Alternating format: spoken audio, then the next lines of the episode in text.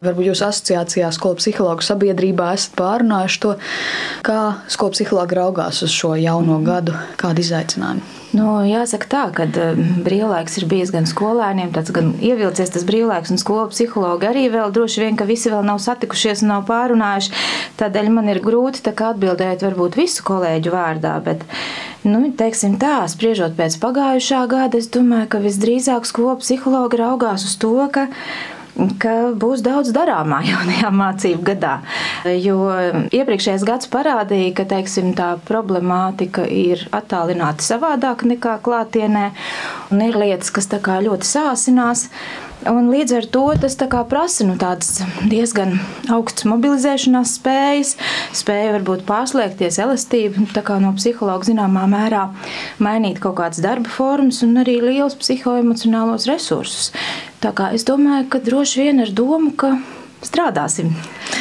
Bet, ja runājam jau konkrētāk par to, ka šajā mācību gadā jaunieši mācās mm -hmm. klātienē, bet ir dažādi noteikumi, kas ir ietverti šajā mm -hmm. drošas skolas kritēriju kopumā.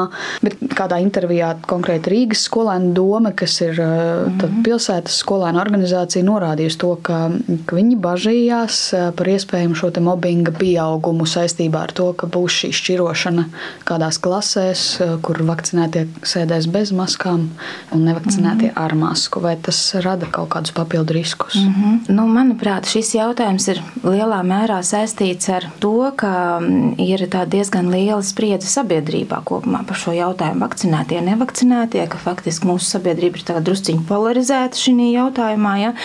Un man liekas, ka būtu ļoti svarīgi to sajūtu un to noskaņu nepārnest uz bērniem.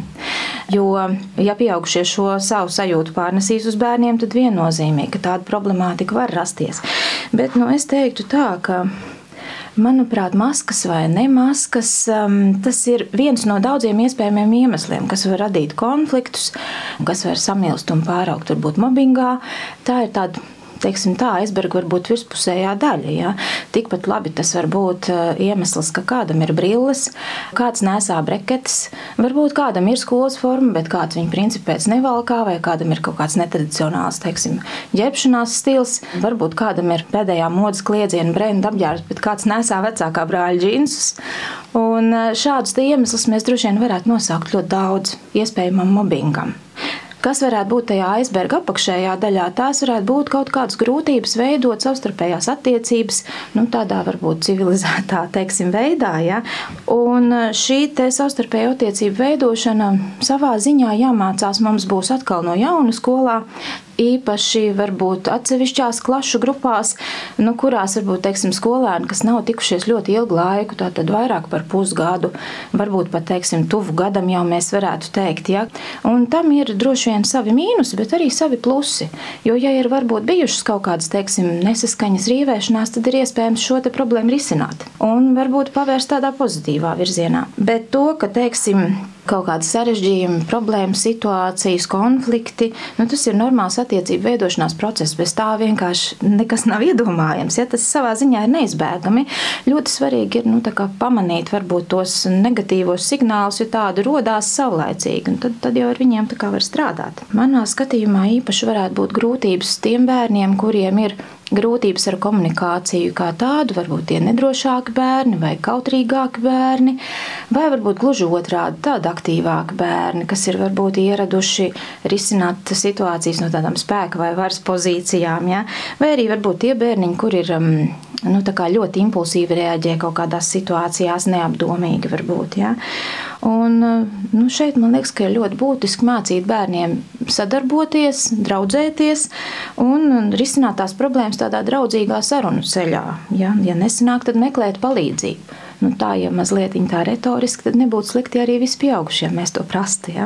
Nu, tā. Jā, jūs pieminējāt pieaugušos, vai nav tā, ka mm -hmm. kaut kādos brīžos skolā tas, kas notiek klasē, bērnu starpā, ir tas spogulis tam, kas notiek arī sabiedrībā. Nu, jau mēs zinām, ja tieši par pandēmijas kontekstu, mm -hmm. paturpinot abās nometnēs, nu, ja tās tā var saukt, bet nu, tur ir pretēji argumenti, viedokļi, mm -hmm. bet tur bieži pietrūkst tolerances abās pusēs. Mm -hmm. un, vai, vai var teikt, ka bērni vienkārši to redz spoguļā, un ka tāpēc tā spriedze varētu būt lielāka? Jo tāpēc, šis temats mm -hmm. ir ļoti mhm. karsts un viņš ir ļoti viņi to sabiedrībā. redz, viņi to spoguļo, un es arī teiktu, ka viņi to pārņem kaut kādā mērā.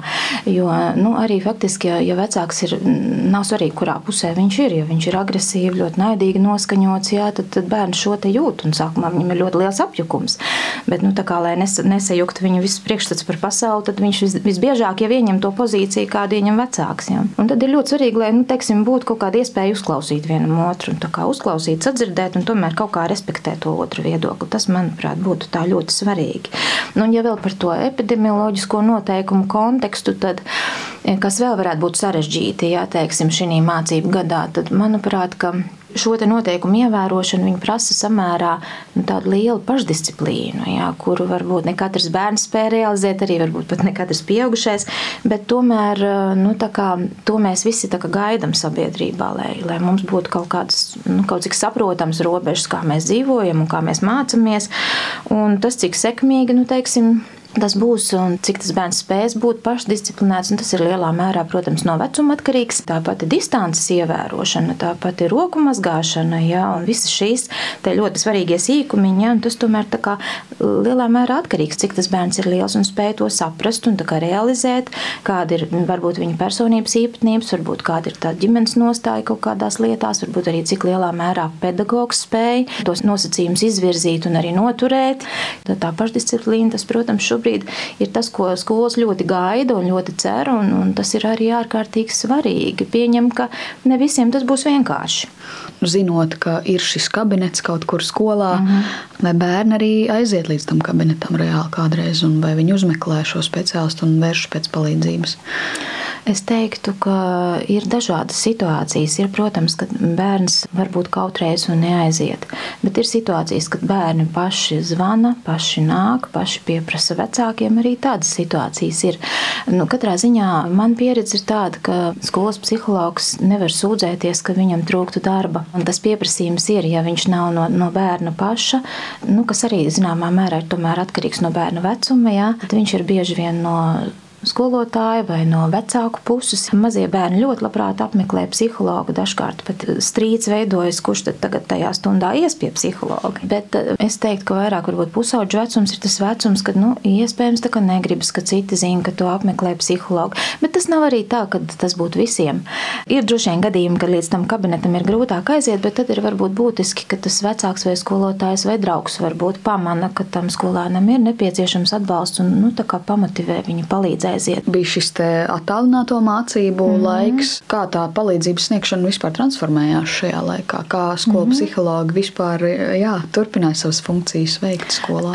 Jā, konsultācijas bija skolēniem pieejamas un, protams, attālināti. Bet jāsaka tā, ka ne visiem bērniem šāda attālināta konsultācija bija piemērota. No tā viedokļa, ka nu, ne katram ir viegli uzticēt to, kas tev ir sasāpējis sejai ekrānā, ja, ka tas ir droši vien ļoti, ļoti individuāli. Ja, bija bērni, kuri ar lielu prieku nāca klātienē, tik līdz tas bija iespējams, ja tik līdz to atļāva epidemioloģiskā situācija.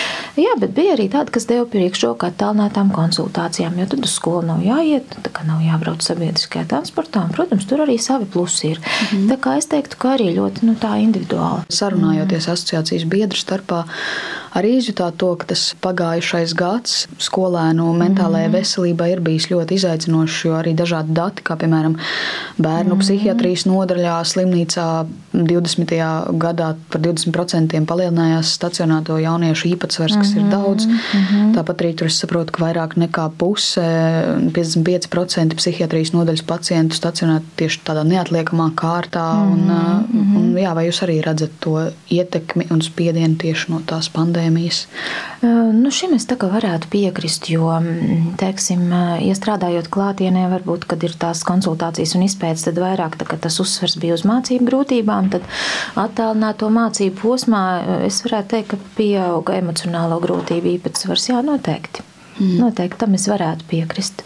Es, protams, neminēšu skaitļus, jā, jo kaut kāda ir minēta. Nu, teiksim, mūsu asociācijā nav šobrīd tādi pieejami varbūt pētījumi Mm -hmm. Tik konkrēti, jā, cik un kā. Bet, jā, varētu teikt, tā no prakses viedokļa raugoties, emocionālo grūtību noteikti bija vairāk. Droši vien jau, ka pirmais, kas tajā klasē mm -hmm. to mobbingu redz, ir tas skolotājs vai vienaudzis.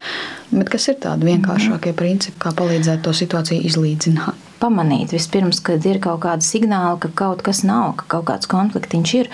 Un tad nu, būtu ļoti jauki, ja tas skolotājs nefokusējās tikai uz savu mācību priekšmetu, bet ka viņš arī atrod resursus kaut kādus laika eh, iespēju ziņā parunāt ar tiem bērniem un izrunāt to situāciju. Un bieži vien ar to ir pietiekami.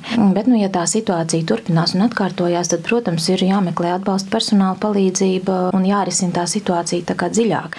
Bieži vien var būt tās situācijas, mm, teiksim, līdz mobbingam aiziet tad, ja kaut kas, kaut kāds posms ir iztrūcis tajā ķēdītē. Ja? Varbūt tā palīdzība nav saulēcīgi meklēta. Ja? Kā ir ar atbalsta personālu vai skolās pietiekami ir šie cilvēki, skolu psihologi, mm. ko pārstāv arī jūsu asociācija, mm. vai ir tomēr arī tukšas vakances, gluži tāpat mm. kā trūkst skolotāju? Mm -hmm. Situācija ir ļoti dažāda dažādās skolās, Rīgas skolās un citās Latvijas pilsētu un lauku skolās. Manuprāt, tā situācija ļoti atšķirīga. Ja? Rīgā, manuprāt, vairākumā skolu psihologi ir. Tas ir droši vien jautājums, cik liela ir tā slodze un cik tas psihologs spēja aptvert no tā darba apjoma, kas viņam tajā skolā ir un ko tā situācija prasa. Tas ir droši vien katrā gadījumā atsevišķi varbūt jāvērtē. Tie speciālisti, kas ir ļoti pieprasīti un būtu ļoti nepieciešami skolās, tie ir skolotāji palīgi. No ikdienā bieži saskaramies ar to, ka ir kaut kādas, teiksim, sarežģījumi bērniem ar mācībām, ar uzvedību, un skolotājs tajā brīdī nevar tam bērnam tik ļoti pievērsties mācīties, jo viņam ir jādarbojas ar visu klasi.